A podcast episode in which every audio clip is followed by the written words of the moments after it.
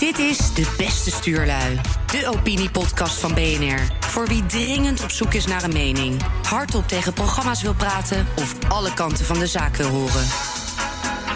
De beste stuurlui van deze week? Marien van der Kooi. Het voelt bijna koloniaal. Dat je denkt, nou, we halen dan even wat arme mensen die iets kunnen, halen we naar Nederland. Marijn Oude Amsen. We doen net alsof of politiek nog steeds zo functioneert dat iedereen gewoon netjes op zo'n as zit. Hè? Links, rechts, ergens in het midden.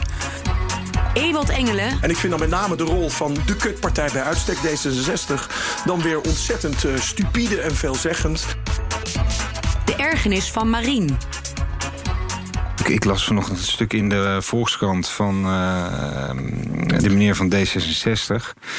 Die voorstelde om. Uh, uh, arbeidsmigranten uit uh, Afrika te halen. En uh, nou, dat vond hij een goed plan en daar had hij allemaal over nagedacht. Althans, dat, dat, dat las ik.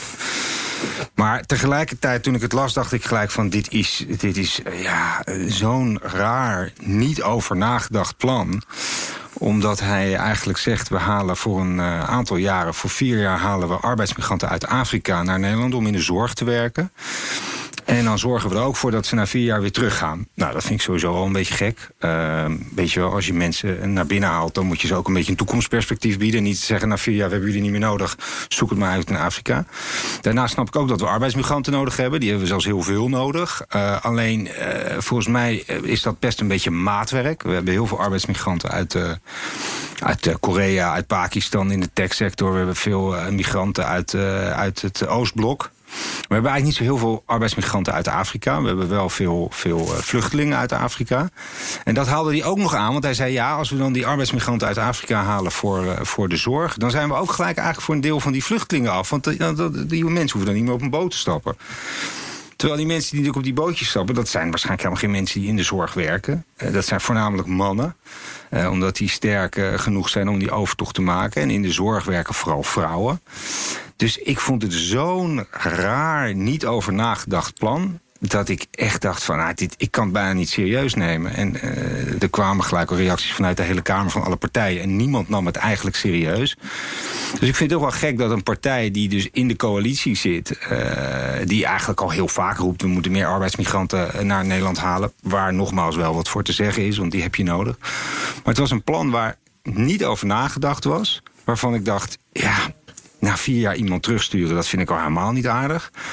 En, uh, oh nee, er was nog één laatste ding dat, wat ik ook eigenlijk nog wel gek vond. Dat was namelijk dat hij zei, ja, we gaan dan voornamelijk mensen zoeken die, uh, die dan daar mbo geschoold zijn uh, in de zorg. Dacht ik, oké, ik, ik weet ook niet of dat daar bestaat. Maar als dat al zo zou zijn, dan zou je dus alle goed mbo geschoolde mensen in de zorg uit Afrika weghalen. Precies. Om voor, het, het voelt bijna koloniaal. Dat ja, je denkt, nou, we halen dan even wat arme mensen die iets kunnen, halen we naar Nederland. Na vier jaar hebben we ze misschien niet nodig. Nou ja, daar is natuurlijk geen sprake van. Want als mensen hier eenmaal zijn uit Afrika, dan gaan ze ook niet terug. Dan heb je te maken met gezinshereniging. Misschien dat ze hier een, uh, een mooie, leuke liefde vinden. En dan ga je ze ook niet terugsturen. Dus het is een plan wat van A tot Z totaal onuitvoerbaar is. Nou, daar ben ik het helemaal mee eens. En dat roept natuurlijk de vraag op waarom D66 met zo'n volkomen bespottelijk plannetje komt. Ja. En ik heb het idee dat het heel veel te maken heeft met aanstaande verkiezingen, Tweede Kamer, maart volgend jaar. Uh, men is aan het voorsorteren op uh, wat volgens mij gewoon de politieke inzet gaat worden van die verkiezingen. En dat is zichzelf uh, presenteren als de anti-Baudet. Ik bedoel, dit is de strategie die Pechtold in de verkiezingen daarvoor met zeer veel succes vis-à-vis -vis Wilders heeft gedaan. Hij heeft zichzelf constant gepresenteerd in werkelijk alle debatjes als de anti-Wilders. Maar dit is wel een heel naïef ja, maar, plan, nee, toch? maar kijk, kijk, kijk, kijk ook naar CETA. De CETA-debat vandaag in de Kamer... en de D66-publiciteit daaromheen... is eigenlijk hetzelfde laken en pak. Het open, cosmopolitische Nederland. Zo presenteren ze zichzelf. En dan ook nog een keer de duurzaamheidspartij. Nou, als je voor CETA bent en je bent voor duurzaamheid... dan heb je er geen reet van begrepen. Dus het is eigenlijk allemaal politiek voor de bühne. En de bühne is van jongens, als jullie het niet eens zijn met Baudet... en er zijn natuurlijk heel veel mensen die heel bang zijn voor Baudet... of Baudet verschrikkelijk vinden... of Baudet door de play willen spoelen dan moet je bij Jetten zijn. Dat is gewoon de inzet volgens Jij gaat geen D66 Ik vind D66 een afgrijzelijke partij. Echt verschrikkelijk. Zo eh, ontzettend ehm, eigenlijk alleen maar de, de belangenbehartigen... van wat je zou kunnen noemen de professionele academisch geschoolde klasse... zonder enige aandacht voor wat dan Clinton de deplorables noemde. Ehm, en dat zou zomaar uit de mond van, uh, van Kaag kunnen komen. En dat komt ook eigenlijk uit de mond van Kaag. Als je haar speeches ziet en haar lezingen hoort... dan is het eigenlijk allemaal van kijk mij eens goed zijn... kijk mij eens belezen zijn... kijk mij eens rationele politieke beslissingen nemen... en kijk al die domme mensen die achter Baudet, Wilders of de SP aanlopen... is achterlijk zijn.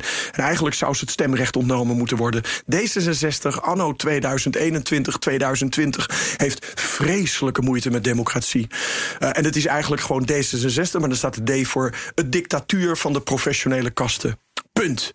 Maar wacht eens even, want volgens mij is dat hele idee van zo'n uh, tijdelijke uh, vergunning is, is eigenlijk is geen slecht idee. Hè? Dus, dus een van de grote problemen van migratie in Nederland altijd was dat er een hele strikte scheiding is aangebracht van ja, of jullie blijven hier of jullie gaan terug. Maar, maar, maar Marijn, dit hebben we in de jaren 50 en 60 geprobeerd. Dat heette gastarbeidersregelingen. Die zijn de bedoeling was dat ze terugkeerden. En om de redenen die Marien, Marien net noemde, zijn die nooit teruggegaan. Dus het is volkomen bezopen. Dan moet je ook een, een staatsluchtvaartmaatschappij hebben... die die mensen dan vervolgens weer terugbrengt naar Afrika. Waar uit Afrika moeten die mensen überhaupt gevonden worden? Met een mbo-certificaat.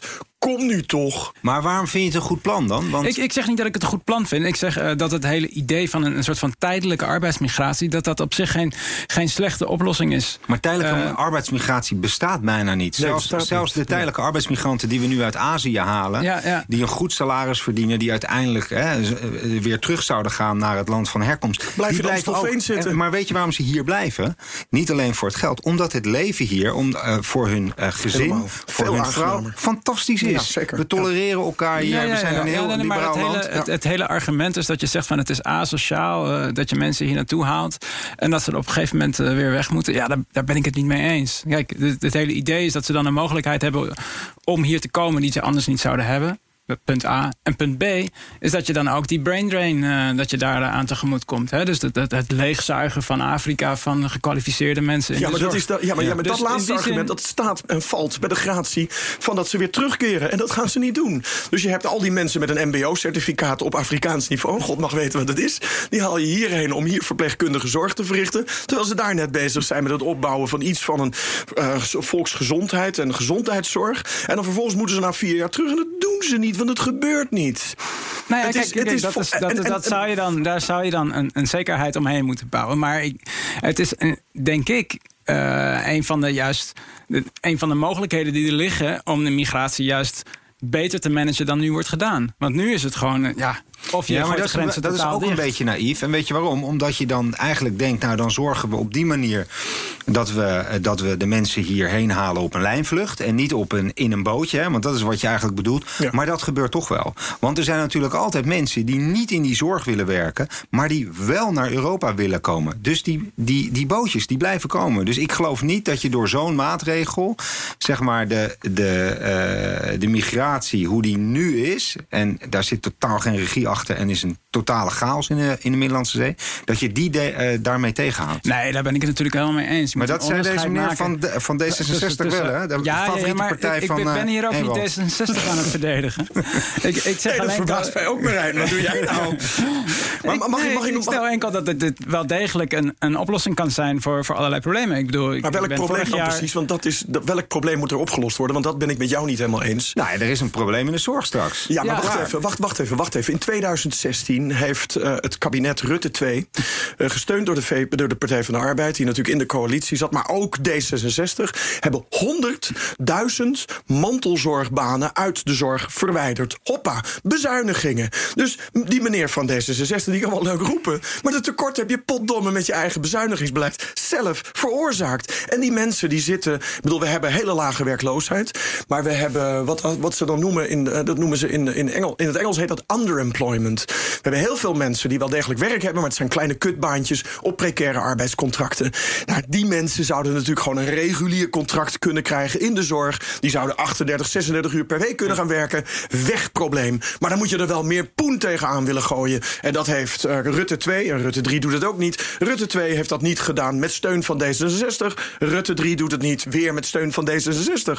Dus nogmaals, wat is dit voor kutplannetje? Dit is krokodillentranen huilen om een probleem wat je zelf veroorzaakt hebt. En wat je heel makkelijk op zou kunnen lossen door budgettaire verruiming in de zorg. Punt. Ja, ja nou, nou dus, op dat punt zeg maar dat het hypocriet is en dat, dat D66 uh, in die zin dat het. Een dingetje is wat ze gebruiken naar, naar de verkiezingen toe. Daar ben ik het allemaal mee eens. Maar volgens mij is het hele punt is van als je migratie internationaal op een betere manier wil organiseren dan nu het geval is. In het bijzonder arbeidsmigratie, dan, dan is zo'n tijdelijke werkovereenkomst, een soort green card systeem, dat is wel degelijk een mogelijkheid. Ja, het is een mogelijkheid. Moeten, moeten we dat nu op gaan lossen? Nee, lijkt me niet. Nee. De ergernis van Ewald. Kijk, als je echt iets wil doen aan deze stroom van migratie, of dat nou vluchtelingen, asylanten of arbeidsmigratie is, dan zul je iets moeten doen aan de rol die onze en Amerikaanse, Noord-Amerikaanse, Europese en Noord-Amerikaanse multinationals in uh, de Global South uh, spelen.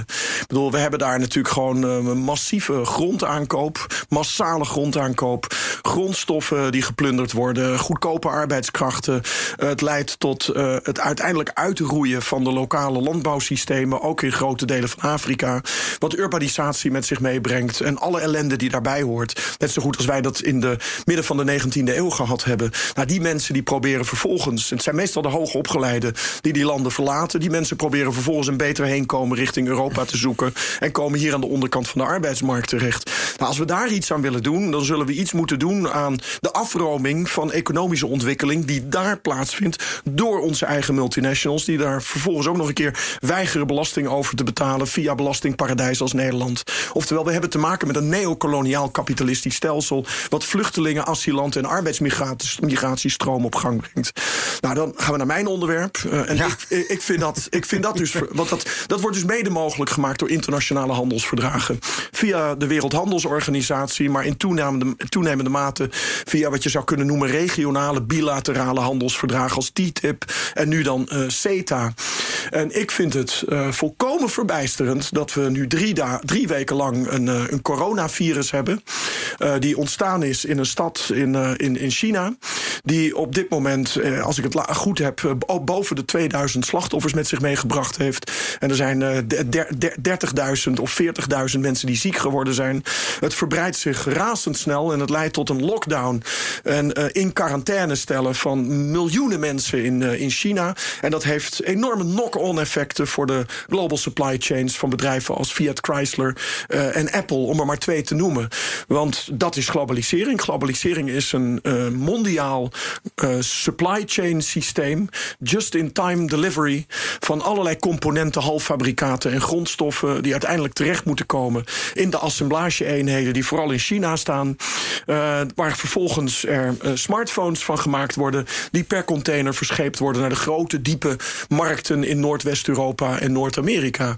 En wat we, wat, we, wat we zien is dat deze supply chains ontzettend kwetsbaar zijn. Want die lockdown die gaat dus inderdaad leiden tot uh, allerlei obstakels en blokkades in die supply chains. Die dus ook ertoe leidt dat uh, grondstoffenprijzen dalen, olie, koffie. Uh, dat Apple en Fiat aankondigen dat ze waarschijnlijk hun leveranties niet kunnen verrichten. en als dit doorgaat en de verbreiding ook verder doorgaat, dan zal het waarschijnlijk zo zijn dat steeds meer sectoren te kampen krijgen met een totale ineenstorting van hun supply chains. en dat dat is een indicatie en het demonstreert dat die supply chains kwetsbaar zijn en dat die waarschijnlijk ook niet houdbaar zijn. Want de voetafdruk, de ecologische voetafdruk van die supply chains via de containerschepen, allemaal fiscaal gesubsidieerde stookolie, uh, is heel duidelijk niet verenigbaar met de doelstellingen van de klimaatverdragen uh, die we in Parijs gesloten hebben. Dus dat is één kant. En dan tegelijkertijd in dezezelfde week een discussie over CETA, waarin in feite de juridische infrastructuur uh, nog een keer opgetuigd wordt voor het verder verbreiden van die global supply chains. En ik vind dan met name de rol van de kutpartij bij uitstek, D66, dan weer ontzettend uh, stupide en veelzeggend. Want uh, die willen aan de ene kant duurzaam zijn. Nou, als je dat verhaal van mij accepteert, uh, dat die coronavirus demonstreert dat die supply chains niet duurzaam zijn, dat ze uiterst kwetsbaar zijn en dat we waarschijnlijk na corona een fase van deglobalisering ingaan. als je duurzaam wil zijn, dan moet je CETA niet gaan optuigen. Dan moet je niet de juridische infrastructuur in wetboeken gaan opnemen die een verdere verbreiding van dit soort global supply chains mogelijk gaat maken. Als je duurzaam wil zijn, dan moet je nee tegen CETA zeggen. Nou, dat doet D66 natuurlijk niet. En ook de fucking ChristenUnie doet dat niet, terwijl het wel in hun verkiezingsprogramma stond. Punt. nee, ik ben gewoon. Uh, ik, ben het op zich een groot deel uh, met Ewald eens. Uh, ik vraag me alleen af wat hij als alternatief ziet. Wat, wat, is dan? Gaan we dan naar nationale aparte, economieën? Aparte handelscontractjes tussen elk Europees land en, en, en Canada. Dat is toch ook geen oplossing in een globalisering die nu al jaren gaande is. Gewoon allemaal aparte contractjes met elkaar af. Uh, Wil je terug naar de, naar de, nationale staat? Daar geloof ik niks van. Nou, dat dat kan. Nou, alles kan. Ik bedoel, laten we wel wezen. Dit is niet een natuurproces. Dit is allemaal politieke beslissingen geweest. Dus als je politiek besluit om dat terug te draaien, dan kan dat. Maar al die landen in Europa. Natuurlijk. Hè, die willen dat. Behalve, Nederland, wij zijn nu het laatste, het laatste staartje. Hè? Dat is het toch. Als wij nee zeggen, dan, uh, dan moet het van tafel. En dan moeten ze dat ja, opnieuw gaan. veto-recht. Ja. Dus dan denk ik, dit, ze zijn al drie, vier jaar dit aan het uh, uitonderhandelen. Maar waarom, het is al gaande. Bedoel, even als gedachte-experiment, waarom zou het niet zo kunnen zijn? En we deden dat natuurlijk voordat de Europese Unie deze onderhandelingsrechten kreeg. Waarom zou het niet zo kunnen zijn dat landen individueel met andere landen handelsverdragen sluiten? Nederland heeft belasting- en investeringsverdragen met pakweg 102 landen. Uh, daar heeft de EU helemaal niets mee te maken gehad. En dat is gewoon uitonderhandeld. Dat kan. Dat die belasting- en investeringsverdragen vooral ten bate komen van het groot kapitaal. En niet ten bate van het MKB, laat staan ten bate van de, van de werknemer. Dat laat ik even buiten haakjes. Dat zet ik even tussen haakjes. Maar dat het kan, dat is natuurlijk gewoon evident. Het Verenigd Koninkrijk gaat dat natuurlijk gewoon doen de komende jaren na Brexit. Dus ja, dat kan. Maar, uh, maar wat ik denk dat er gaat gebeuren, en dat kan kwaadschiks of goedschiks, dat kan dus intentioneel uh, politiek afgesproken plaatsvinden. Maar dat kan dus ook plaatsvinden door een grote sequentie van klimaatrampen en rampjes, waar ik die pandemie dan maar even toe, ook toe reken.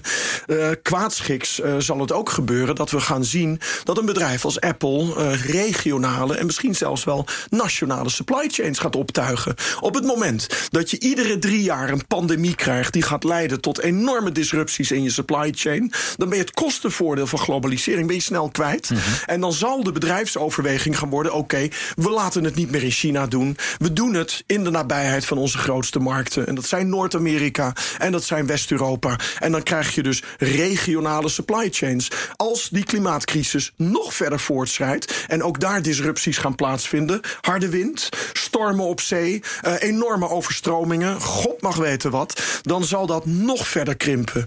Dat is wat mij betreft de toekomst. Dat gaat er gebeuren. En wat mij betreft gebeurt dat liever gemanaged, gecontroleerd, dan dat het ongecontroleerd gebeurt. Maar linksom of rechtsom, dat is de toekomst. Einde van de globalisering. Maar volgens mij is het, het, wat ik als het probleem zie in die redenering, is dat jij stelt van, hè, dat we terug moeten eigenlijk naar een uh, situatie waarin Nederland zijn akkoorden op nationaal niveau sluit. Net als Groot-Brittannië dat doet, nu uh, na de brexit. Maar volgens mij lost dat het probleem helemaal niet op.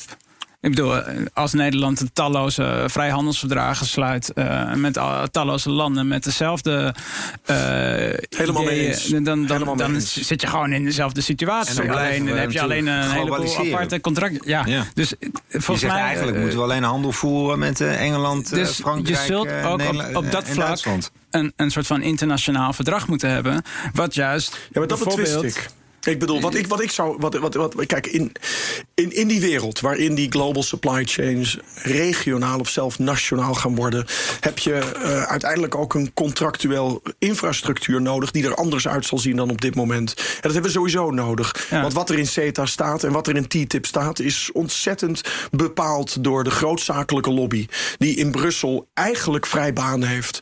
Uh, op nationaal niveau, waar we in ieder geval nog een, om dat zomaar te noemen, een modicum van. Uh, parlementaire democratie hebben en zeggenschap van de burger, zouden we handelsverdragen kunnen sluiten die wellicht wat democratischer van aard zijn en die wellicht wat meer rekening houden met de belangen van burgers en met de belangen van het MKB. Op Europees niveau is dat gewoon per definitie uitgesloten vanwege het gemankeerde democratische karakter van de Europese Unie.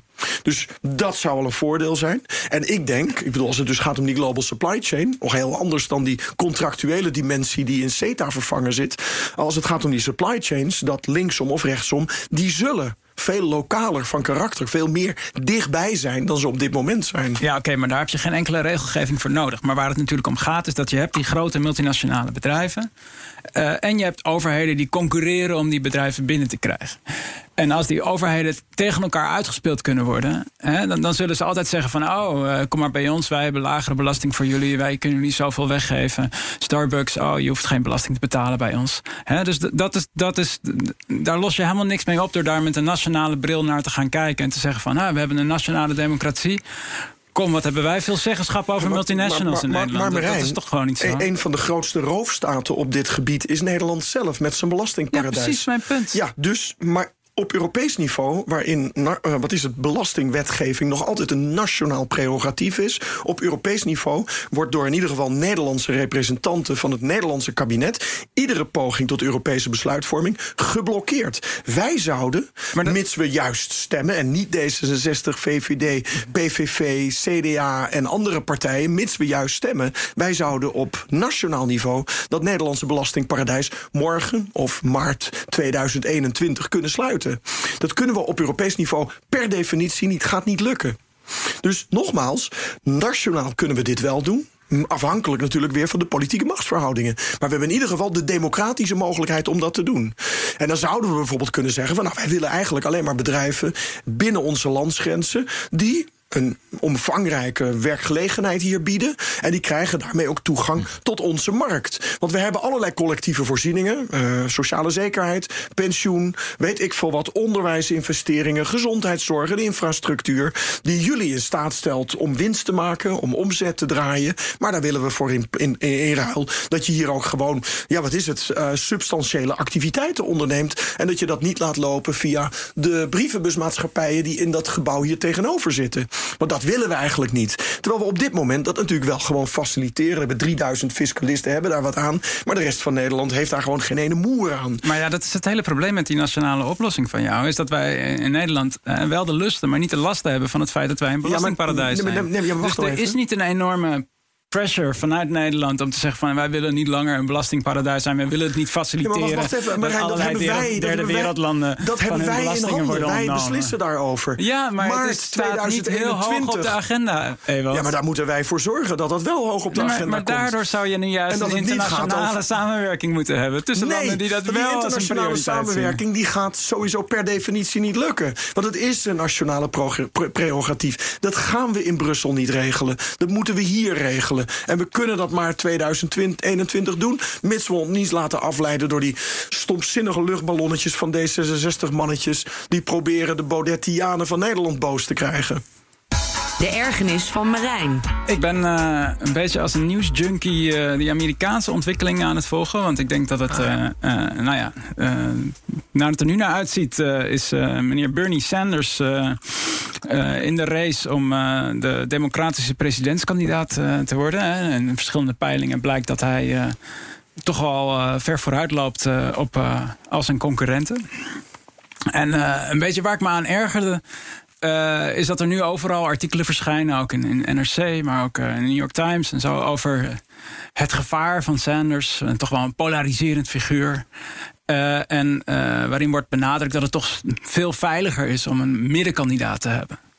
En wat me, daar bovenal, wat me daar bovenal aan irriteert, is dat het een soort herhaling is van, van uh, het, het, hele debat rond Hillary. Hè? Dus we, we wisten, hè? Hillary had geen, geen eigen verhaal ten opzichte van Trump. Uh, ze was de anti-Trump. Uh, ze zei van, nou, America is already great. Hè? We hebben Trump helemaal niet nodig om America great te maken.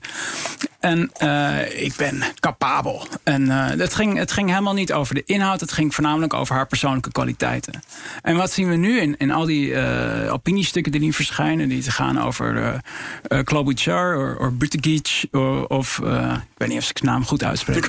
Biden. Of Biden. Hè? Het gaat erover dat, dat zij niet van die polariserende personages zijn als, als Sanders. Nou ja, dus en, en aan de ene kant is dat best wel irritant, omdat Sanders gewoon in de peilingen de meest populaire kandidaat is en uh, het meeste geld ophaalt. Um, en de, de, grootste schare volgers heeft. Maar aan de andere kant is het irritant omdat het zeg maar die diepere oorzaken van, van überhaupt de verkiezingen van Trump niet adresseert.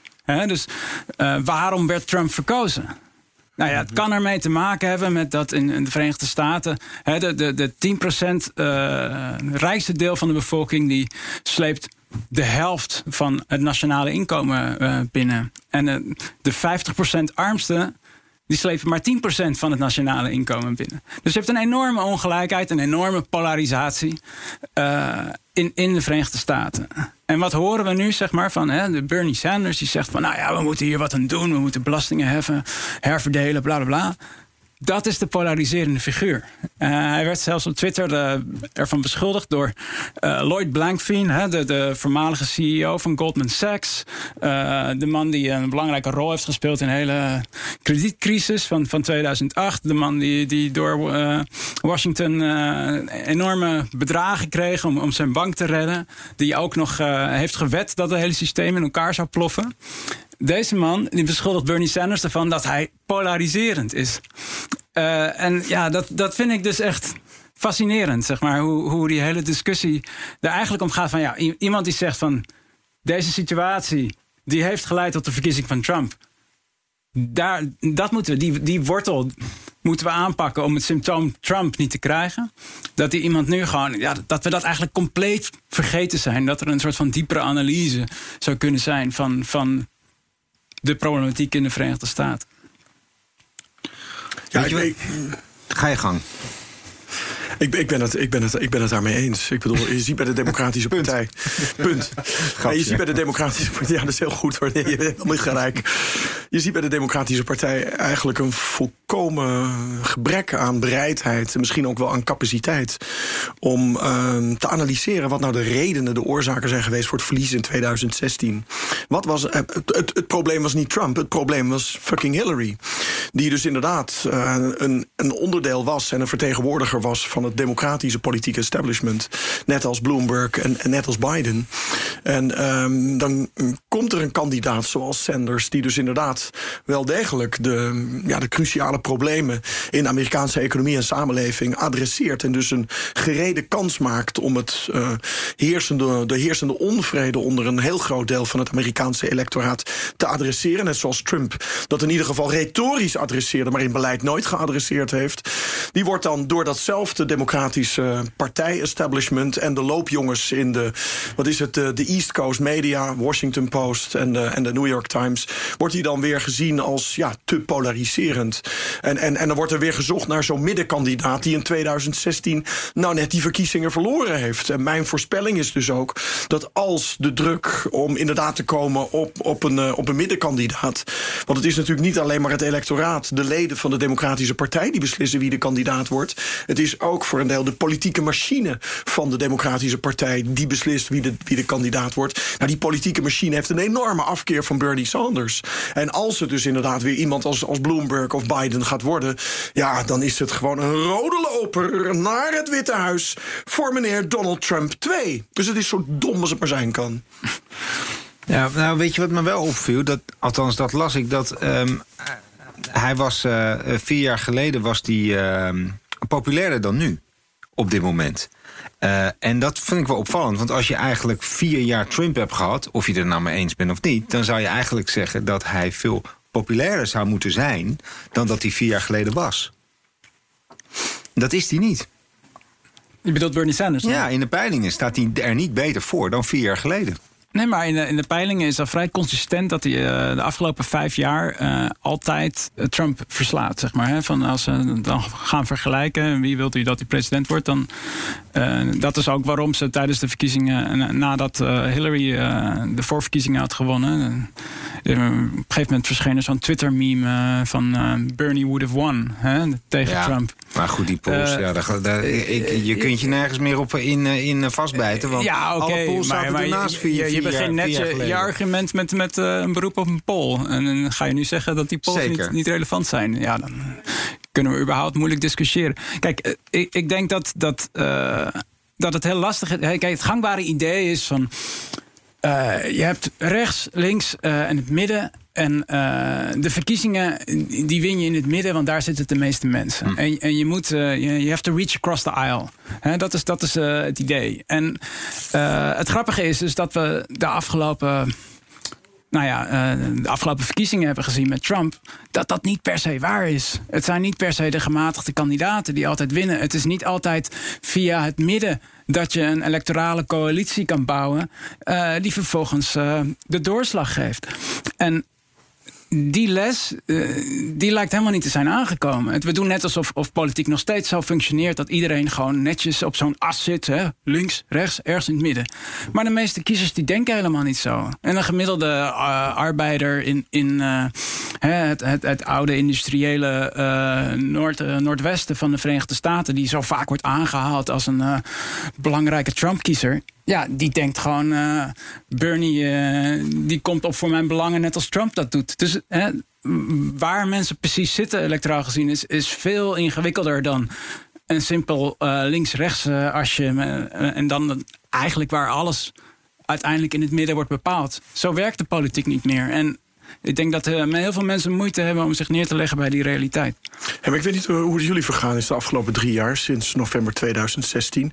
Maar ik heb me in toenemende mate, en eigenlijk vrij constant, in, constant in toenemende mate groen en geel geërgerd aan de, de Trump-bashing van de liberal press in uh, de Verenigde Staten. Ik ook. Um, en ook door de Democratische Partij, die eigenlijk al hun politieke kapitaal gezet hadden op een impeachment. Die uiteindelijk een half jaar voor de verkiezingen mislukt. Waardoor je met lege handen komt te zitten. Niet nagedacht over enige vorm van ideologische vernieuwing. Niet nagedacht over een potentiële. de grooming van potentiële kandidaten. Strategie, zeg je dus. Er is, geen, strategie. er is geen strategie. Nee. En dat establishment van de Democratische Partij met Nancy Pelosi voorop. Die hebben eigenlijk niets anders gedaan dan constant maar demonstreren wat een ongelofelijke boerenhufter, klootzak en een hele litanie Trump wel niet is. En ik heb me ook groen en geel geërgerd aan de Nederlandse pers en uh, de Europese pers in den brede, die niets anders deden dan copycat spelen van de New York Times en de Washington Post. En eigenlijk niets anders gedaan hebben dan constant aangeven hoe verschrikkelijk Trump wel niet is. Terwijl nogmaals, het probleem zit niet bij Trump. Het probleem zit en de structurele, um, de structurele compositie van die Amerikaanse economie en de verdeling van de goodies in die economie. Zoals jij zei, het is ongelijk en het is ongelijker geworden. Het is 1890 all over again. Er is uh, een daling van de, van de levensverwachting in de Verenigde Staten de afgelopen zes jaar. Het is dramatisch. Nou, je zou verwachten dat een democratische partij opkomt voor de mensen die dus inderdaad de klappen krijgen. Maar het enige wat men gedaan is, is vooral bezig geweest met Trump. En aangeven wat een boer en wat een hufter en een seksist en een racist die man wel niet is. En, eh, ja, ik, en, en ook de, de pers hebben exact hetzelfde gedaan. Van jongens, kijk nou wat er aan de hand is. Ga op zoek, ga op bezoek bij die mensen. En ze hebben dus ook constant alle kiezers op Trump weggezet als dezelfde boeren, hufters, racisten, uh, white supremacists en weet ik veel wat voor shit. Het is echt volkomen bezopen. Ik vind ook de berichtgeving in Nederland volkomen bezopen geweest. Drie jaar lang. Alleen maar dit. Ja. Ja, het waren allemaal primaire reacties. Hè? Allemaal, en, en, en, zeker, ik vond ook Nancy Pelosi. En ze had natuurlijk alle rechten om, om, om, die, om die State of the Union door te scheuren. Maar, maar is iemand die zo ervaren is en die het politieke spel zo goed snapt. Die, die weet toch dat je dat dat uitvergroot wordt. En dat, en dat dat altijd de overhand neemt van het weigeren van een hand van de huidige president. Ik vond het ongelooflijk. Ik ook ongelooflijk. Ongelooflijk. En, ik, ik, ik, heb die vrouw best hoog zitten. Hè. Ik, ja, ik, ken, niet, maar goed. ik vind het echt een technocraat. Nou ja, maar dit is wel, het is wel een politiek dier in die zin. Dus ja, maar dat weet, vind ik dus niet een aanbeveling. maar ze weet dus hoe het werkt. En dan doe je dit. En dan denk ik, dit is zo vlak voor de primaries... is dit echt het stomste wat je kan doen. wat, wat mij, mij, dus opvalt aan die primaries... en ik, ik, ik, ik, ben, ik, ben, ik ben een enorm fan van vooral Elizabeth Warren. Ik vind Elizabeth Warren net wat intelligenter dan, uh, dan Bernie Sanders. Net wat meer uitgewer uitgewerkte plannen. En net iets jonger, hè? En, en, en, vrouw, dat scheelt ook. En net iets jonger, inderdaad. En net geen hartaanval gehad, dat scheelt ook. maar, maar waarschijnlijk is ze daardoor ook net iets te, te, te, te, te nerdy, te technocratisch voor een groot deel van de achterban. Maar eigenlijk ben ik mijn hele belangstelling verloren sinds het, sinds het, het, het, het, het, het, het, niet impeachen van Trump. Omdat ik gewoon, ik, ik vermoed wie ook de presidentiële kandidaat van de Democraten gaat worden. Het gaat het niet redden. Ze gaan het niet redden. Het gaat gewoon Trump worden. En, en ik weet het eigenlijk al zeker. Of het nou Bernie Sanders wordt, Elizabeth Warren, Bloomberg of Biden. Het maakt eigenlijk geen flikker uit. Ze hebben het al verloren. En ze hebben het verloren toen die impeachment niet doorging. En symbolisch of iconisch, zo je wil, toen Nancy Pelosi achter hem, uh, die, die stiet het state of die. She lost it. En uh, not only she, the whole Democratic Party lost it. Die presidentiële verkiezingen gaan niet interessant worden. Echt niet. Het wordt gewoon Trump. Trump 2, nog een keer vier jaar deze man. Maar, maar wacht even, volgens welke logica is het doorscheuren van die State of the Union adres? Nee, nee, nee. nee, nee, nee, tot, tot, een soort overwinning voor nee, Trump? Omdat, omdat Trump het eigenlijk, als je economisch kijkt, het helemaal niet beroerd gedaan heeft. Dat is één. Uh, zijn achterban heeft hij eigenlijk een hele belangrijke. Wacht, wacht, wacht even. Gegeven wat hij beloofd heeft. En hij zal dat breed gaan uitventen. Je zegt net dat de een vette crisis zit. En, en dat mensen niet rond kunnen komen. En nu zeg je dat hij het goed doet. Nee, nee, maar dat is allemaal ontstaan, uh, Marijn, met alle respect, onder die fucking Obama. Die heeft die hele crisis niet aangegrepen om te doen wat hij had moeten doen. En het enige wat Trump gedaan heeft, sinds we uit die diepe kuil onder Obama gekomen zijn, is de boel iets beter maken. Maar het is natuurlijk nog steeds een derde wereldland maar, maar op heel veel Wil je nou zeggen dat, dat Trump, hè, de, de, man die een uh, enorme uh, belastingkorting uh, voor, voor de allerrijkste heeft geregeld. Waardoor de, de, Amerikaanse overheid zich diep in de schulden heeft moeten steken. En er in de komende tijd zeker geen sociale uitgaven bij kunnen komen.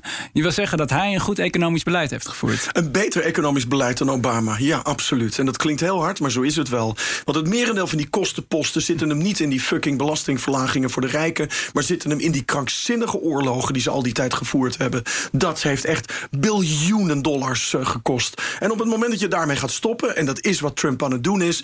Uh, en uh, er komt manufacturing terug naar de industrie, terug naar de Verenigde Staten. Ik bedoel, ik vind het ook een ongelofelijke boer, een hufter, een seksist en een racist. Maar het is eigenlijk irrelevant. Want economisch kan hij inderdaad ogen bogen op een aantal kernindicatoren die gewoon beter zijn dan onder Obama. Het is het verraad van de Democratische Partij. Het is het verraad van de progressieve intelligentsia. En daar plukt Trump de vruchten van. En de Democraten maar... hebben vier jaar Trump niet gebruikt om aan strategie te doen, om een goede kandidaat te zoeken. En they've lost it. Maar wat is het verraad van, van die, die democratische elite precies? Ze dat hebben de, de witte onderklasse laten zitten. Ze hebben de witte onderklasse laten zitten. Obama heeft leiding ja, maar gegeven. Dat heeft, heeft Trump net zo goed gedaan. Nee, die heeft dat niet kijkt, gedaan. Nee, nee, gewoon, nee, nee. Als je gewoon kijkt naar, naar, naar wat zijn beleid is geweest, dat is gewoon massief in het voordeel geweest van, van mensen met veel inkomen. Uh, mensen die nu gewoon veel minder belasting hoeven te betalen. Ja, hij, heeft, heeft allerlei beschermingen gestript op, op het gebied van milieu, die ook de allerarmsten gaan treffen. Uh, hij, heeft al, hij probeert allerlei sociale wetgeving te blokkeren. Ja, ik bedoel, ik zou niet zeggen dat, dat Trump op, op enige manier een, een economisch succesvollere politiek dan, dan Obama heeft gevoerd. Ik bedoel, Absoluut. Ik bedoel, de Dow Jones staat op recordhoogte, de werkloosheid staat op recordlaagte, uh, de groei is stabiel gebleven. Uh, hij maakt een vuist tegen China. Er komt manufacturing terug naar de Verenigde Staten. Ik bedoel, je hoeft het er niet mee eens te zijn. En er staan allerlei dingen tegenover. Maar weet één ding: in die presidentiële verkiezingen gaat dit breed uitgevent worden. En het enige punt wat ik wil maken is niet dat ik voor Trump ben, maar dat het probleem ligt bij de Democratische Partij. Ze hebben geen gebruik gemaakt van vier jaar Trump om aan soul searching te doen. Ze zijn een partij van professionals, voor professionals en door professionals geworden. En ze hebben de witte onderklasse, hun traditionele achterban, hebben ze in de modder laten staan. En dat gaat ze enorm opbreken bij die presidentiële verkiezingen. Sanders komt daarvoor op, Warren komt daarvoor op. Maar de rest, ik bedoel Bloomberg, Biden, forget it. Het gaat niet lukken. Dus twee van de populairste kandidaten kandidaten van de Democratische Partij... die hebben wel lering getrokken uit het probleem. Uh, en, en die staan ook gewoon best wel prominent in de peilingen. Maar desondanks is in, in jouw ogen nou ja. de gehele Democratische Partij verrot. En zullen ze geen oplossingen kunnen, kunnen leveren. Alhoewel ze die oplossing dus wel daarover nagedacht en daarover gesproken hebben. Ja, nee, maar wacht even, ik vind dat nu, dit, dit, dit, is, dit is ingewikkeld debatteren, want jouw eigen probleem was net dat het democratische partij-establishment uh, Sanders wegzette als een polariserende figuur. Als Sanders het wordt, dan heeft hij misschien een shot. Uh, Warren gaat het niet worden. Dat is te technocratisch. Ja. Uh, en we weten niet wat er bij de komende primaries allemaal gaat gebeuren. Maar de kans is heel groot dat naarmate dit voortschrijdt en we dieper in het seizoen komen, Sanders weg gaat En een van die middenkandidaten als Bloomberg, Biden wel degelijk groter gaat worden. Als dat het geval is, er dan, it's lost. Nou ja, maar dan heb, je toch, dan heb je toch al een veel genuanceerder beeld van de Democratische Partij dan je net had. Nee, want dat partij is nog... met Pelosi, die willen die Sanders niet. Kom nu toch. En dan nog blijft het zo dat er geen, dat er geen uh, droomkandidaat is. Nee. Eigen, oh, maar, nee. Maar, maar, ook niet in het Sanders niet aantrekkelijk. Nee. En ik vind, maar dat is even heel erg gewoon uh, de buitenkant. Ik, en dat, die discussie is al maanden. Dat ze ogen allemaal heel oud. En uh, dan kan je zeggen, ja, nou goed, Trump is ook oud. Ja, maar gek genoeg oogt hij niet? niet oud. Nee. Die oogt gek genoeg best wel fit. En als ik die Sanders gisteren zag spreken, of eergisteren... met dat gebogen ruggetje, ja, weet je, dan kan iemand nog uh, fantastisch zien. denk ik, oeh, gaat die dat vier jaar lang volhouden? Ja, nou, ik heb, ik heb vooral bij Sanders, hij oogt heel erg oud links. En hij oogt niet sexy links. En je had natuurlijk gewoon van die vier jaar gebruik moeten maken... om zo iemand als AOC te groomen voor deze presidentiële verkiezingen. Het is niet oud genoeg, hè, om überhaupt deel te nemen. Hè? Ja, er is een leeftijdsminimum. Om, oh ja? Is dat zo? Ja. Hoe oud moet je zijn? Volgens mij moet je 70. 45 zijn of zo. Ja, ja. Oh, dan kan ik niet meedoen. Nee, maar, nee, maar, nee, maar goed, ik bedoel, het, is niet, het is niet sexy links. Ik wil sexy links. Ik bedoel, Sanders over milieu, nou, dat komt die man toch moeizaam zijn strot uit. En dat heb je bij Warren eigenlijk ook. Terwijl milieu is het grote vraagstuk van de komende decennium. Dus je wil iemand hebben die in staat is om een links verhaal te vermengen met een milieuverhaal. Ja, maar kom nou, dat ik is, zie dat is... sexy links niet in die, al die kandidaten. Ik vind het een verschrikkelijk technocratische, oude, conservatieve meuk. Nou ja, sorry hoor, maar, maar dat, dat hele klimaatverhaal... dat is echt een prominent uh, deel van zijn platform. Eh, misschien zijn we nu heel erg bezig over esthetiek. Hè? Hoe zien ze eruit? Hoe komen ze over? ja. Uh, maar het gaat er niet zozeer om hoe zo iemand op ons overkomt. Want ik, ik had eenzelfde reactie bij het zien van uh, een debat een paar, een paar dagen geleden, New Hampshire. En ja, ik dacht van, jeetje, wat is dit oninspirerend. En wat... Uh, ja.